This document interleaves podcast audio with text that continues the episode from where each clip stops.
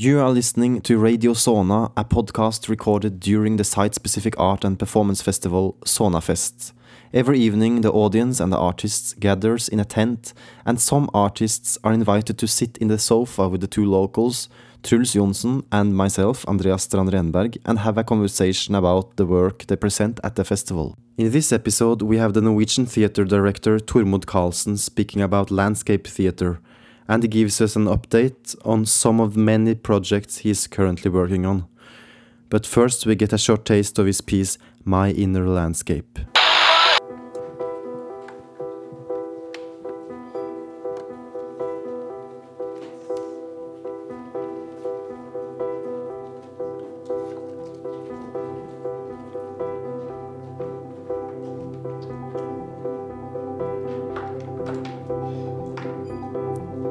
So, this? This is it. This is really all there is. A river, some boats, trees, some houses, trash bins, some cars. Grass, a dock. That's it. Let's face it, landscapes are quite boring.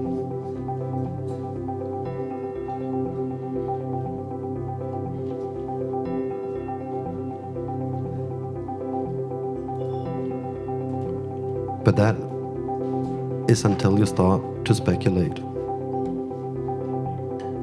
speculate upon the story behind all of these things. Take those trash cans.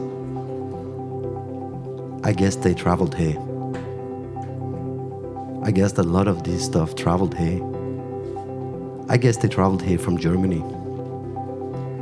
I guess that because I tried to get hold of some trash cans like that once for another production and and we couldn't afford the transportation from Germany.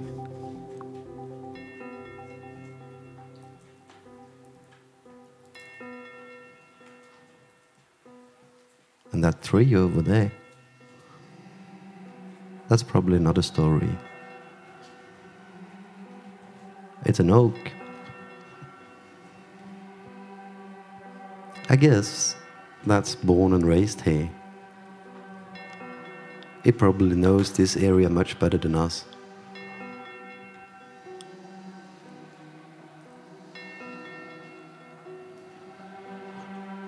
Another thing I like to speculate upon is the value of stuff. That oak, I guess it's worth around eight or nine thousand.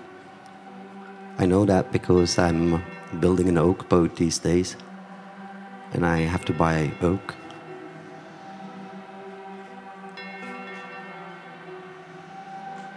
But that's just one of the values this oak has.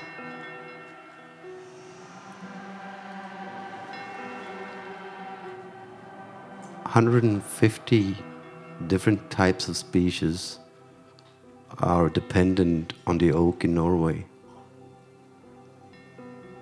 I know that because I did this bus ride down to Son the other day and on that bus ride there was a lot of trees. So i researched a lot of trees. For those insects that tree is probably a question of life or death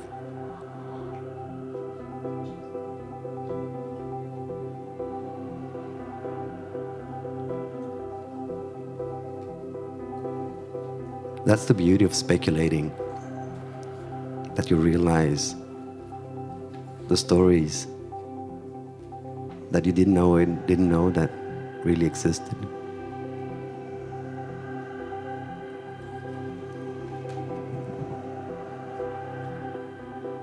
We are very lucky to have uh, also Tormod Carlsen here tonight. He uh, he just uh, did a landscape speculation. That's what it's called, isn't it? Uh, that's what uh, I call it. Yep. Uh, can you uh, tell us a little bit how this process begins when you start to speculate on the landscape? Well, I guess it's something all of us do, do all the time, really. uh, it's nothing that has kind of a clear start or an end point um, to it. I did this community service. I visited an old man in an old home in, in uh, Fjaler, in Sogn og Fjordane. And uh, basically, he was really, he was very old and very fat. uh, so basically, what we would used to do together was that we would sit and we would watch out of the window together. Um, and um, uh, in the beginning, that was very, very boring. But after some time, I learned that this is really something of the most interesting thing you can do. And then some years ago now, I started to practice this as part of my art practice. And you you also did that yesterday, didn't you? Yeah, in a very new setting. uh, first time on a bus. Uh, so we were actually traveling through landscapes, you know, mm, uh, which was very interesting because normally um, there is something about when you sit and you focus your gaze, uh, you see in what you call a diorama. Yeah, you, you look forward and you have time to think. Once you start to move, then there is kind of another dimension to watching, uh, and hence also to contemplation. So it gives it a kind of a very beautiful layer of not having, being able to kind of tell the whole story before the stories disappeared. Um, so that was a, like a very beautiful trip somehow. Yeah. There are uh, philosophers who have sort of uh, made the, the comparison between uh, meditation and driving a car, Yes. where you're able to sort of focus for very short moments, and then you have to let the thought go. What do you think? Yeah, no, I think, uh, well, uh, what I think about that, I think for sure, for some, yes. uh, for me, yes. Uh, for, the, for other people, probably not. Uh, but I think for sure there is a connection between movement and perception. What you're able to perceive in different ways of moving uh, is quite apparent to me. Um, you know, this is what I call life form. Uh, in a society where you have to move a lot, uh, you're only able to perceive certain things.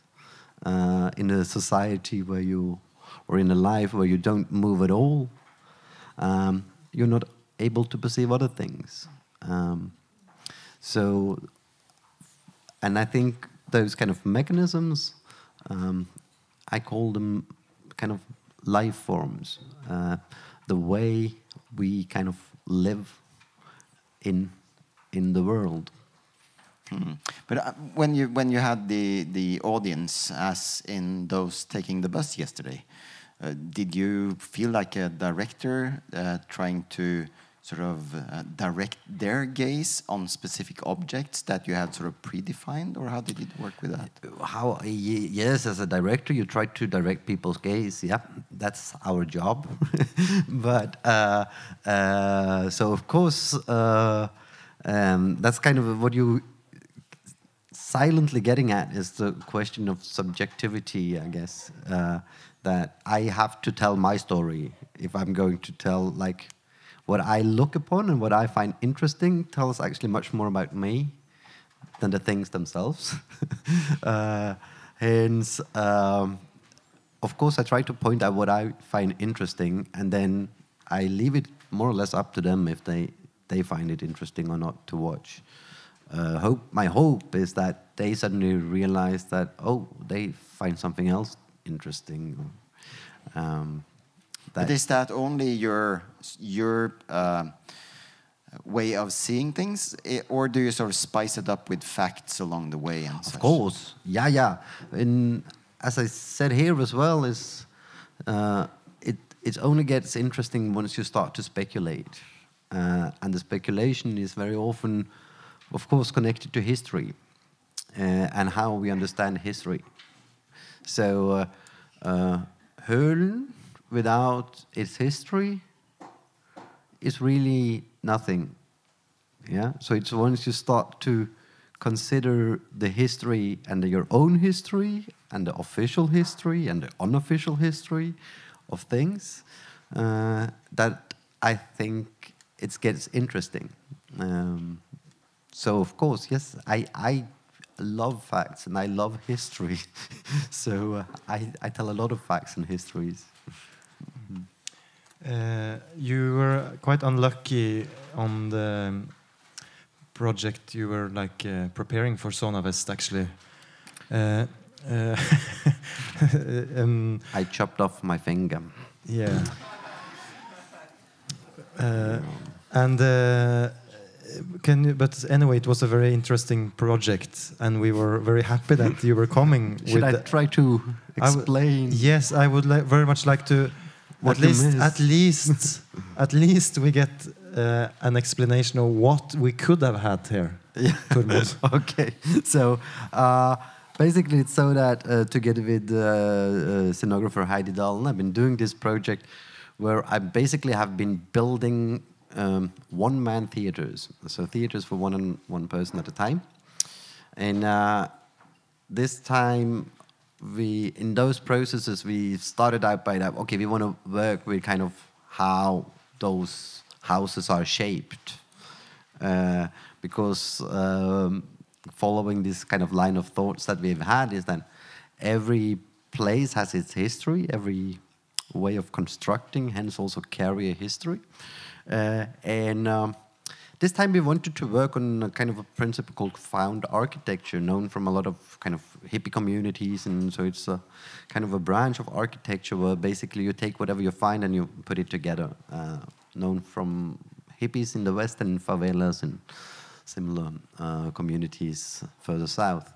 Uh, so basically, we found an old boat and we thought that was really cool, and we got got that old boat. So um, we made a showboat, uh, or we are making a showboat for one and one person to escape the world alone in that showboat.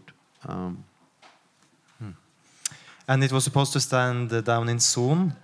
Uh, are, but are you going to make it anyway? Not here, but you will Yes, manage, yes. no? It's um, we're putting it at the water next week, and uh, we might make a stop on our way to Oslo. That would be nice. Ah. Huh? Yeah. When do you pass Son? Well, uh, first we need to learn how to sail this boat. so, I and without losing any more fingers or or anything like this. Mm. But when you have learned to sail, it could be like in. It means like in middle of July. You probably, hopefully, Hopefully, hopefully you will- are, you will uh, stop in Son yeah, or August because we're performing in Oslo. or in December if everything really goes Really bad. goes bad. yeah. Uh, and do you have other projects going on, Tormod? Oh yes, I do. Um, it's. Uh, should I start to list everything I'm working on? Uh, Take us t- uh, to the most interesting one. the most interesting right now to me is, of course, the one that's closest. That is the boat.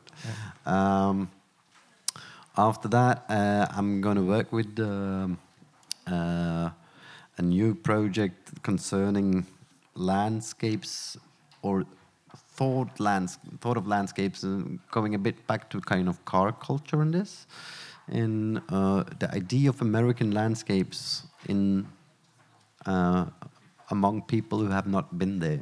Uh, so um, it's um, hopefully going to be a, a kind of a piece about longing for some types of utopias and being free and alone on the road or something like this. Fun.